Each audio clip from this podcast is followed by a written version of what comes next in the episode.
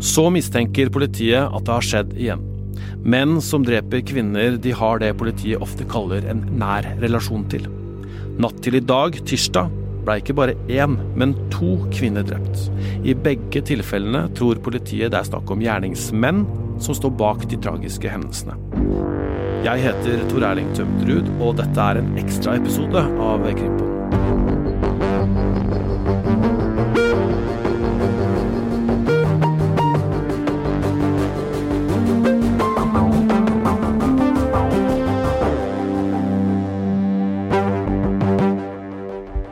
Vi skal først snakke om drapet som har skjedd i Krøssera, en kommune som bl.a. er kjent for vintersportsstedet Norefjell. Der blei en kvinne drept i natt. Og krimkommentator Øystein Milli her i VG, du er oppdatert om saken. Eh, nå er det jo på en måte tirsdag ettermiddag. Eh, hva er det vi veit om saken nå? Det har jo kommet eh, noe mer informasjon utover dagen etter at eh, vi våkna til eh, nyheter, dramatiske nyheter om begge de to sakene som du forteller om, Tor Erling. Det vi vet i denne saken, er at det er en mann i 30-årene. Han er da sikta for drap på sin samboer. Så dette offeret var da en samboer av mannen i, i 30-årene. Han ringte selv AMK, ble viderekobla til politiet. og var da, når han ringte, på vei vekk fra parets bolig i bil. Politiet avtalte å møte han ved politistasjonen eh, i Vikersund. Eh, politiet opplyser at det tok litt tid før han dukka opp, men han kom. Og så vidt vi skjønner, så skjedde arrestasjonen uten noe dramatikk. Eh, på åstedet så tok jo ambulansepersonell seg inn, og de forsøkte jo da å gjenopplive kvinnen som er i 40-åra, men dessverre så eh, gikk ikke det. Livet sto ikke til å redde. Eh, og hun, sier politiet, døde av vold, og de mener da at det er denne mannen de har pågrepet, som har utsatt henne for volden. Ja, nettopp. Så han ringte sjøl til, til nødetatene for å fortelle at noe hadde skjedd? Ja, det gjorde han, og det er eh, ikke så veldig uvanlig, faktisk, i denne type saker at uh, menn som da uh, har eller mistenkes for å ha drept kvinner og da, som i denne saken også, det er en relasjon mellom dem. Det er, det er ganske ofte, sånn som jeg oppfatter det, at at man da eh, melder seg eh, eh, ganske kort tid etter at det har skjedd. Det skjer, det skjer i hvert fall. Om ikke ofte, så, så skjer det jevnlig at, at, at, at, folk melder seg og sier at de har ja, hva de har gjort, at de har gjort noe forferdelig, eller at de har drept en samboer, en kjæreste eller en ektefelle. da. Hva vet vi om denne antatte gjerningsmannen? Nei, han er da kjent for politiet fra tidligere, og det er jo et litt sånt uh, vagt begrep. Uh, og ikke helt enkelt å vite hva som ligger i det, bortsett fra at vi kan uh, kanskje tenke at det betyr at han har uh, vært borti en form for straffesak, eller um, eventuelt andre typer saker som politiet befatter seg med. Men, men det er det vi vet uh, om det. Vi vet ikke om han eventuelt er dømt, og hva han er dømt for. Vi vet at det ble tatt rutinemessige prøver av ham. Men etter det politiet sier, så fremsto han ikke åpenbart påvirket. og så gjenstår jo da uh, selvfølgelig analyser av disse prøvene før man kan trekke en konklusjon om akkurat den biten. Og så uh, får vi antagelig vite mer om han etter hvert. Er det jo sånn at han da sitter i bil, han ringer til nødetatene. Hva har han fortalt om hva som har skjedd der, da? Nei, han har gitt en umiddelbar kort forklaring, og det antar jeg skjedde idet han møtte politiet. Det politiet sier om det, er at han bandt seg til åstedet og til voldshendelsen. Og Det som er viktig å si da, er at det innebærer ikke at han eh, erkjenner straffskyld eller har tatt stilling til om han eh, er, bør eller skal straffes for handlingen, men, men, eh, det er jo viktig for politiet likevel at man da har kontroll på det man antar er en gjerningsmann, og så får jo da de andre spørsmålene komme etter hvert. Han skal avhøres videre i dag, og det er ikke kjent når det skal skje. Man er på vei til å få på plass en forsvarsadvokat. og da vil han kanskje ha et møte med denne advokaten, og så, hvis han da fortsatt er innstilt på å la seg avhøre av politiet, så, så, skjer det da så fort man, uh, man, kan gjøre det. Og da blir det et grundigere avhør hvor man tar stilling til da, eller i hvert fall blir bedt om å ta stilling til dette med straffskyld, og om man erkjenner straffskyld eller ikke erkjenner straffskyld. Og så er det viktig å si at det er ingenting som tyder på at det er andre som er involvert. Og så er det én ting som blir viktig i denne saken her, og det skal vi snakke snart om. Men før det så er det jo sånn at det er tidlig i saken, men allerede nå så vet vi ganske mye om det som har skjedd. Og det var jo da eh, i motsetning til den andre saken vi snakka om forrige uke, hvor vi ikke visste så mye. Ja, og det er jo veldig individuelt fra sak til sak, for det eh, henger jo sammen med hvor fort politiet får tilgang til informasjon. Eh, og det er jo blant annet da henger jo da på ja, Hvis noen melder seg og sier at de har gjort noe, så får jo politiet ofte veldig rask informasjon. Men hvis det er mer folk som ikke ønsker å snakke med politiet, eller kanskje holder seg unna politiet en periode etter at de har gjort noe som de mistenkes for, så tar det tid. Og det er jo også litt ja, en del andre tilfeldigheter som spiller inn, da, som, eh, som, om, eller som gjør en forskjell på hvor fort vi får vite eh, hva som har skjedd, og det er også litt forskjell på hva politiet fra sak til sak, og også fra distrikt til distrikt, ønsker å dele med offentligheten, og hvor fort det skjer. Og så er det jo sånn at uh, denne karen la ut en Facebook-melding uh, på sin uh, Facebook-vegg i natt. og den er jo lukka, men vi har fått tak i den meldinga. Det var Bygdeposten som omtalte den meldinga først, og da skriver han Da ryker jeg inn for i hvert fall drapsforsøk. Love you all, skriver han der. Hva, hva er dette for noe, Øystein? Dette er jo en del av det politiet kommer til å vie interesse for i etterforskningen. Ehm, det er bekrefta at politiet kjenner til denne meldingen. Og så må man jo da i første omgang spørre mannen hva, hva, han har å si om denne meldingen. Og så vil man jo se den opp mot uh, når man mener det har skjedd en voldshandling i huset. Vi ser jo her, uh, eller som du sier Tor Erling, det er en klokkeslett her. 0053, og, og da er jo det interessant. sånn at dette er noe som politiet kommer til å kikke videre på, og som jo eh, kan bli et poeng da, i eh, en straffesak. Eh, for det er jo mulig å lese denne setningen som en erkjennelse av at man har gjort en straffbar handling, når man skriver at da ryker jeg inn for i hvert fall drapsforsøk. Så, så vil jeg nok tro at det er i hvert fall folk i påtalemyndigheten som kommer til å hevde at det er en form for erkjennelse. Og så er det jo ikke lenger et uh, drapsforsøk. Nå er det vel sånn at politiet mener at dette er et drap fordi kvinnen døde.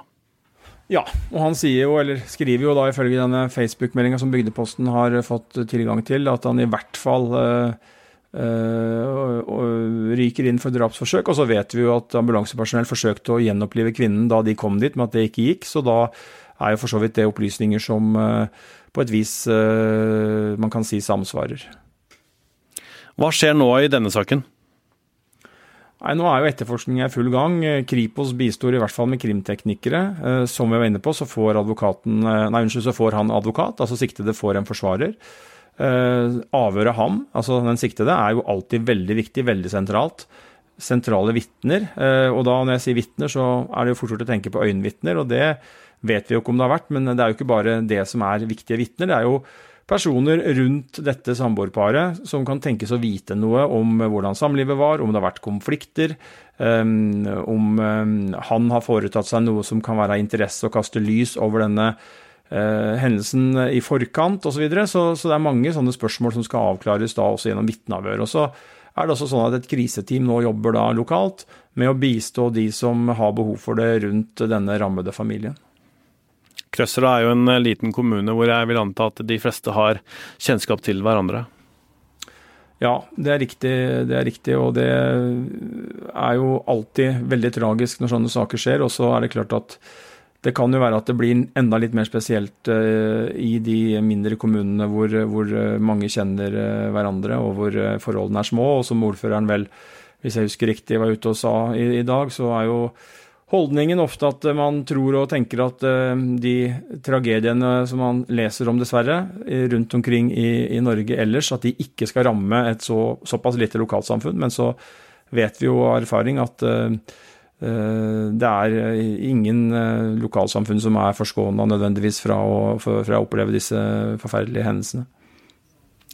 Og så skal vi ta for oss eh, den andre saken. Det var altså to kvinner som ble, drept eh, i løpet av et, et døgn. Eh, der blei en mann pågrepet etter en trafikkulykke i Lier, som er litt sør-vest for Oslo. mannen blei sikta for drapet på en kvinne i Bekkestua, som er i Bærum, altså litt rann, eh, noen kilometer fra han var i en trafikkulykke. Hva var det som skjedde der?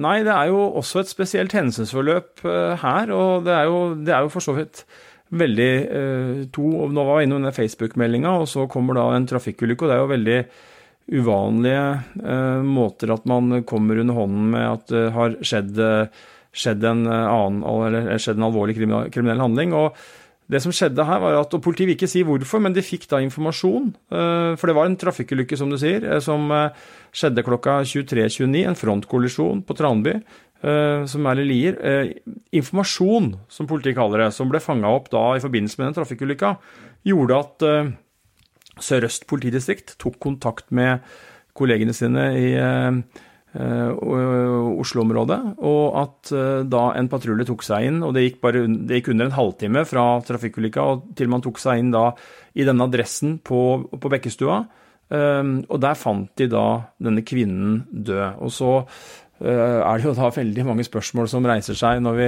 sier det vi sier nå. Altså hva var det som ble sagt, eller hvorfor ble det Hva slags annen informasjon var det? Altså hvorfor har dette eh, skjedd? Hvorfor krasja mannen? Altså det er mange ting her som, eh, som jo Mange spørsmål som, som kaller på et svar her.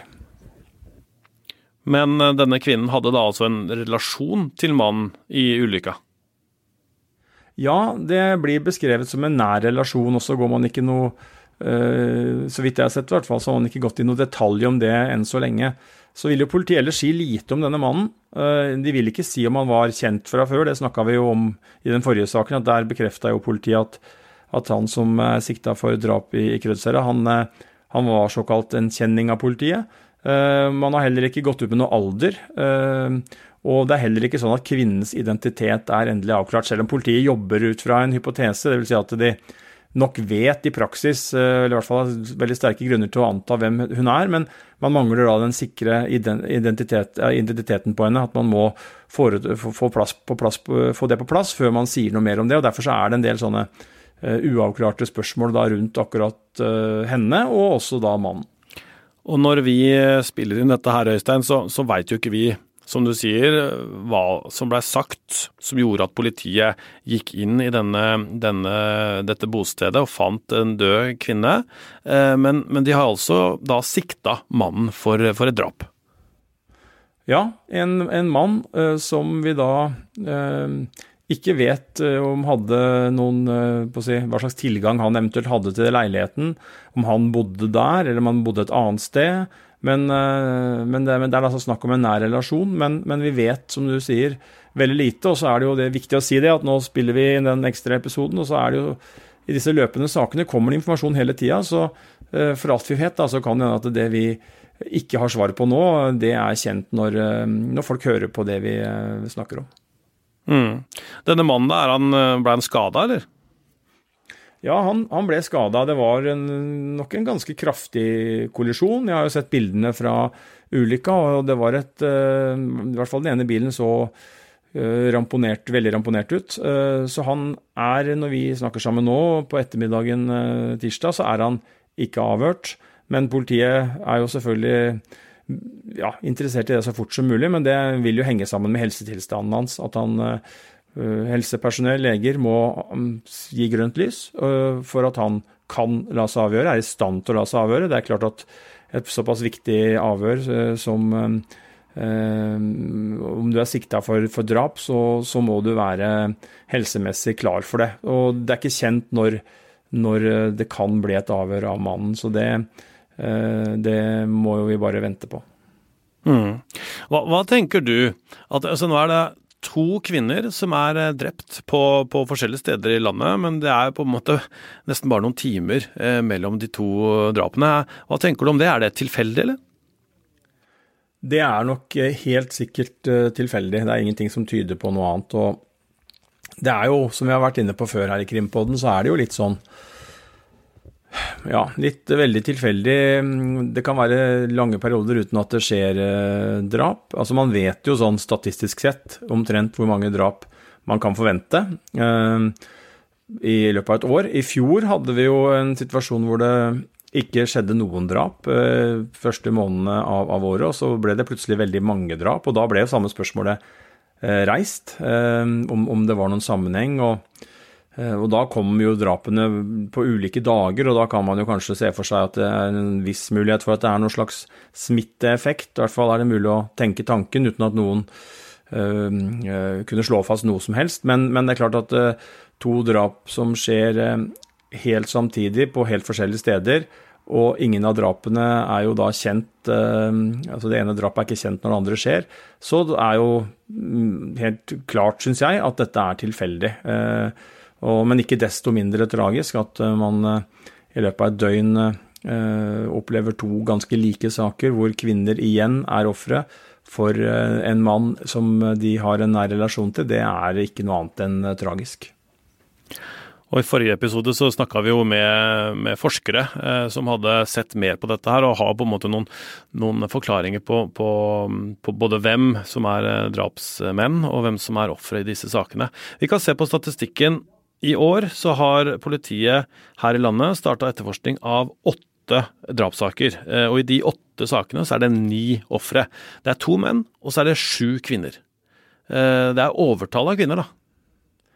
Ja, og det tror jeg du finner hvert eneste år. Eh, hvis du går tilbake i andre statistikker, så tror jeg du finner det hvert eneste år så langt det finnes statistikker, uten at jeg har sjekka det, men det er i hvert fall mitt inntrykk. og det underbygger jo bare det, det, veldig tragiske bildet av at det er, det er farligere å være kvinne enn mann uh, i denne konteksten. Det, det, er bare sånn det er, og det må man prøve å gjøre noe med hvis det er mulig. Og så er det jo bra at det vies tid til forskning og undersøkelser og analyser, og at man forsøker å finne noen mottiltak. For det er klart at det er jo forebygging som er stikkordet her også. Man må Eh, forsøke å sette inn tiltak som gjør at færre menn går til det helt meningsløse grepet å ta livet av en kvinne. Det, mm, alle drap er selvfølgelig helt uh, ja, uh, det er, det er, tragiske og helt unødvendige, men når man ser at det er en sånn trend, så er det klart at da er det spørsmål om man ikke bør spisse noen tiltak inn mot akkurat den problemstillingen i det forebyggende arbeidet. Dette var en eh, ekstraepisode av eh, Krimpodden der vi kom med den informasjonen vi har per nå, i hvert fall, om de to drapene på to eh, kvinner to forskjellige steder i Norge det siste døgnet. På torsdag er vi tilbake med en ny, vanlig episode. Tusen takk, krimkommentator i VG Øystein Milli. Jeg heter Tor Erling Tømterud.